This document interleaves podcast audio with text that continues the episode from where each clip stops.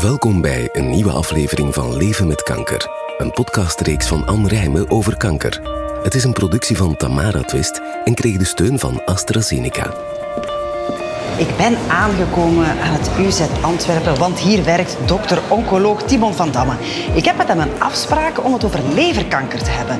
Al hoort hij dat woord wel niet zo graag, maar het bestaat. In deze aflevering komt dan alles te weten over HCC, hepatocellulair carcinoom, of in de volksmond leverkanker. Wat is het? Hoe ontstaat het? En hoe wordt het behandeld? Anne pluist het uit van A tot Z. Hallo, ik had een eh, afspraak bij dokter Van Damme. Ah, hallo. Ik zal hem voor u contacteren. En hoe was uw naam? Anne, Anne Rijmen. Anne Rijm. Oké, klein momentje hoor.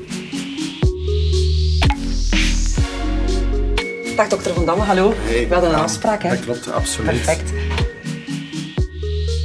Dag dokter Van Damme. Goedemiddag. Wat doet u hier precies? Ik werk in het eh, Universitair Ziekenhuis van Antwerpen als oncoloog, dat wil zeggen kankerspecialist. En ik specialiseer mij vooral, of ik leg me vooral toe op patiënten met eh, kanker van het maag-darm-leverstelsel en dus ook eh, van de galweg- en galblaas. U hoort niet graag die term leverkanker, hè? Dat klopt. En de reden daarvoor is omdat er eigenlijk ehm, vaak kanker in de lever wordt vastgesteld die niet origineel van de, van de lever afkomstig is. Dat wil zeggen, als we ehm, ter hoogte van de eh, lever kankercelletjes vinden, komt dat ook voor dat dat eigenlijk uitzaaiingen zijn van bijvoorbeeld eh, borstkanker of eh, darmkanker. En ik denk dat we toch een groot verschil moeten maken tussen dat soort leverkanker en de echte eh, leverkanker die afkomstig zijn van de celletjes van de lever. En die leverkanker, die kennen wij onder de- het woord hepatocellulair carcinoom, ofwel HCC. En dat zijn, is eigenlijk een kanker die ontstaat uit de celletjes van de lever zelf. Ja, oké. Nu, ik wil het daar graag over hebben met u. Laat ook beginnen bij het begin. Hoe weet je dat je HCC hebt? Wat zijn de symptomen? HCC is een ehm, ziekte die we vaak pas in een relatief laat stadium, een late fase ontdekken, omdat er niet zo heel veel klachten op de voorgrond staan. Hè. Dus tegen dat de patiënt bij de eh, huisarts of de specialist terechtkomt met eh, klachten van HCC, is het vaak al redelijk vergevorderd. De klachten die we dan vaak zien zijn bijvoorbeeld het ontstaan van eh, vermoeidheidsklachten, eh, patiënten die minder goed kunnen eten. En als de ziekte echt vergevorderd is, krijg je ook wat eh, verminderde functie van de lever. En dat wil zeggen dat er dan ook een wat een verminderde filterfunctie is van de lever, want eigenlijk is de lever een grote filter die ons bloed zuivert. En dan zie je het opstapelen van afbraakstoffen in het lichaam, in, in het bloed, waaronder dus bijvoorbeeld ook een gele kleurstof. En die gele kleurstof kan ook teken zijn voor HCC. Ja. Hoe krijg je dat? HCC is een ziekte die meestal voorkomt in een lever die al wat schade heeft. Dat wil zeggen, de meeste patiënten die HCC ontwikkelen, hebben een lever waarin er toch wel wat littekenweefsel aanwezig is. En dat littekenweefsel noemen we in de medische wetenschap cirrose. En die cirrose die ontstaat eigenlijk meestal op een van drie volgende drie manieren. De eerste reden waarom dat cirrose ontstaat is omwille van uh, virussen, de hepatitisvirussen. Dus we kennen meestal ook wel hepatitis B en C als veroorzaker van die uh, leververlittekening. De tweede oorzaak is alcohol. Patiënten die veel alcohol drinken, dat beschadigt ook de lever en kan ook leiden tot cirrose. En de derde oorzaak is te vinden bij patiënten die uh, overgewicht hebben. Als je heel fors overgewicht hebt, dan kan dat leiden tot een ontsteking van de lever. En die ontsteking kan uiteindelijk ook leiden tot leverschade en cirrose.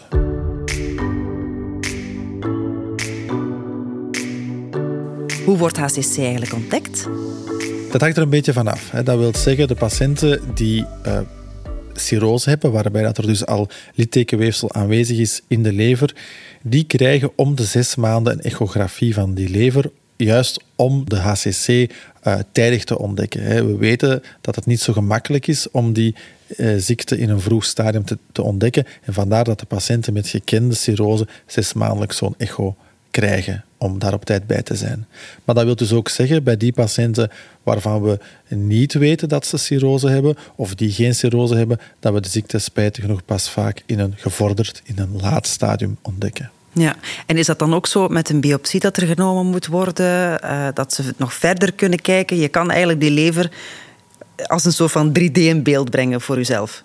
Bij HCC is het zo dat het een van de weinige kankers is waar we niet per se een biopsie nodig ah, hebben om de uh, diagnose te stellen, omdat een HCC er heel typisch uitziet op uh, bepaalde types beeldvorming, op bepaalde scanners. Dus je kan op basis van een CT-scanner uh, eh, in combinatie met een tumormerker in het bloed de diagnose van een HCC stellen. Ja.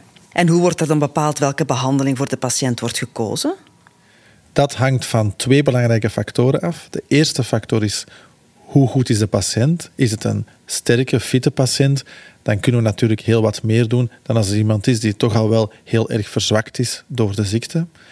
En de tweede belangrijke element is hoe ver gevorderd is de ziekte. Als we een ziekte hebben in een vroeg stadium, dan kunnen we naar genezing toewerken ofwel door bijvoorbeeld een operatie te doen, waarbij dat we alle kanker uit de lever verwijderen, ofwel door de volledige lever te vervangen, waarbij we dus een transplantatie doen en zowel het zieke leverweefsel als het gezonde leverweefsel vervangen door een nieuwe lever.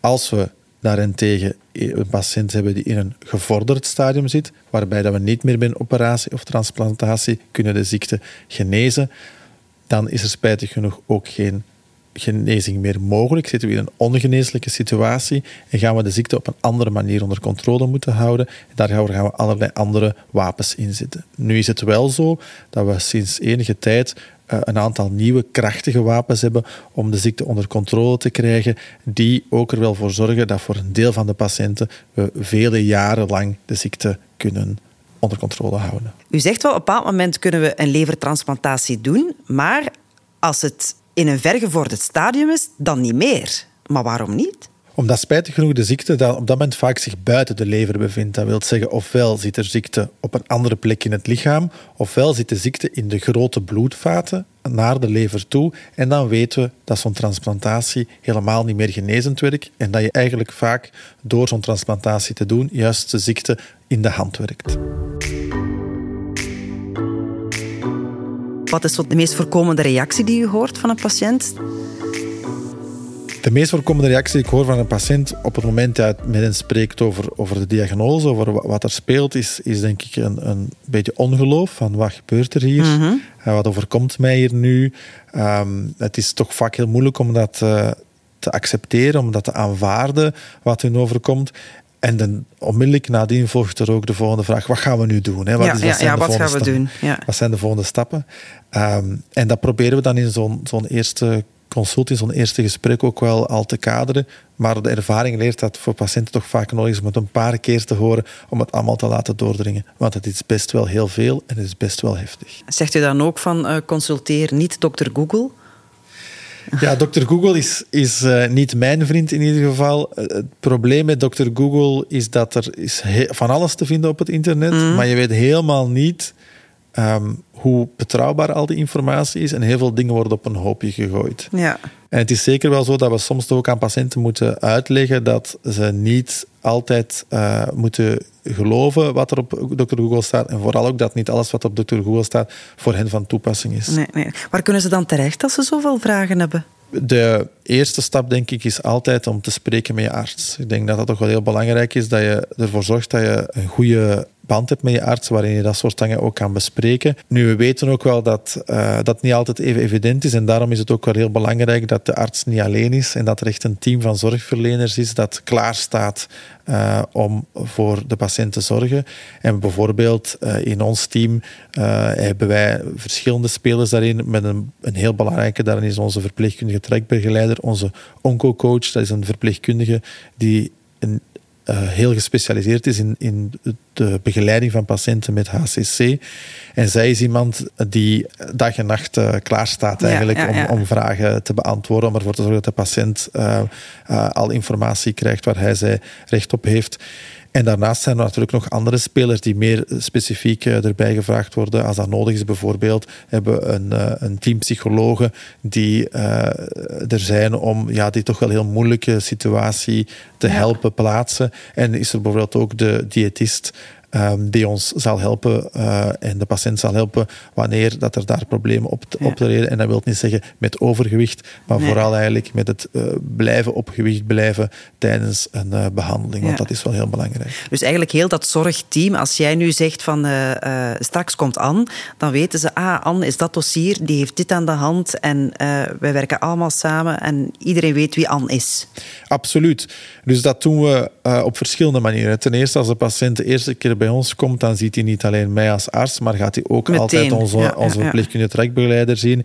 En sowieso bespreken wij ook intiem um, alle patiënten. En, en zodanig dat, dat, we, um, dat iedereen van het zorgteam altijd op de hoogte is van wat er nu precies um, met een bepaalde patiënt aan de hand is, wat er gebeurt en waar er noden zijn. En dat is heel interessant, want ja, als arts heb je natuurlijk een bepaalde blik op, op, de, op de situatie. Maar nu heb je meerdere blikken natuurlijk. Maar nu heb je meerdere blikken. En we weten bijvoorbeeld dat het voor patiënten toch vaak ja, gemakkelijker is om iets tegen de oncocoach te vertellen. En zijn er bepaalde dingen die ze misschien toch eerder aan de oncocoach vertellen, aan de verpleegkundige takbeleider, dan aan de arts. Hetzelfde met de psycholoog. En het is pas door met z'n allen samen te zitten, met z'n allen samen te werken, dat we echt het, de hele patiënt uh, op zijn best kunnen dienen. Want daar gaat het eigenlijk over. we proberen niet de ziekte te behandelen, we proberen de patiënt te behandelen in al zijn facetten.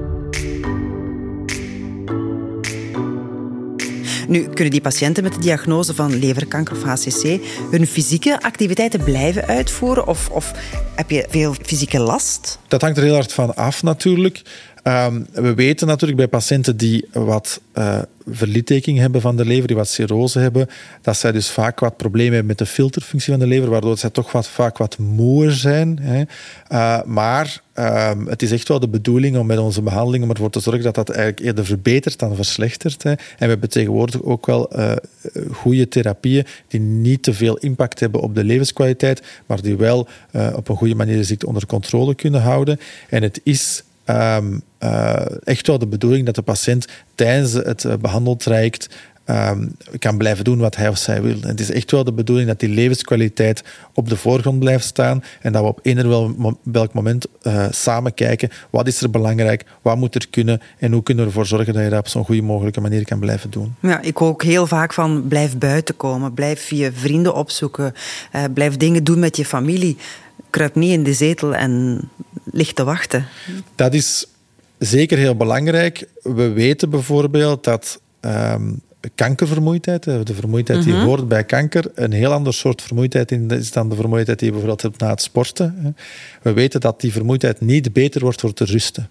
Dus ah, als je 10 eh, kilometer hebt gelopen en je gaat in je zetel liggen en je slaapt een beetje, dan voel je je nadien beter. Dat is niet zo bij kankervermoeidheid. We weten eigenlijk dat die vermoeidheid vaak eigenlijk wat beter wordt door te blijven bewegen. En dus dat we eigenlijk weten dat het belangrijk is om, um, om, om, om actief te blijven. En uiteraard ja, is het ook wel heel waardevol om samen met vrienden en familie uh, dingen te blijven doen, voor zover dat uiteraard haalbaar is. het moet natuurlijk echt wel haalbaar blijven, omdat dat toch ook wel voor, voor de patiënt zoveel extra kan betekenen. Ja, ja, is er nog ergens dat, iets dat, dat u voorstelt van, ah, daar vind je meer informatie, of blijf je je toch vasthouden aan dat oncologisch team dat het behandelend ziekenhuis je voorstelt?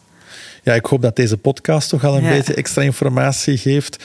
Uh, er zijn ook een aantal patiëntenverenigingen um, die, die zeker en vast ook informatie geven. Maar het is vooral heel belangrijk, denk ik, om um, ervoor te zorgen dat je uh, betrouwbare bronnen van informatie hebt. Dat blijft heel belangrijk.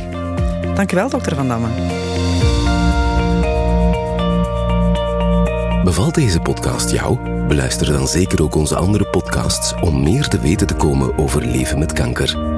Deel het met mensen uit je omgeving waarvoor het ook een steun kan zijn. Bedankt voor het luisteren en graag tot een volgende keer.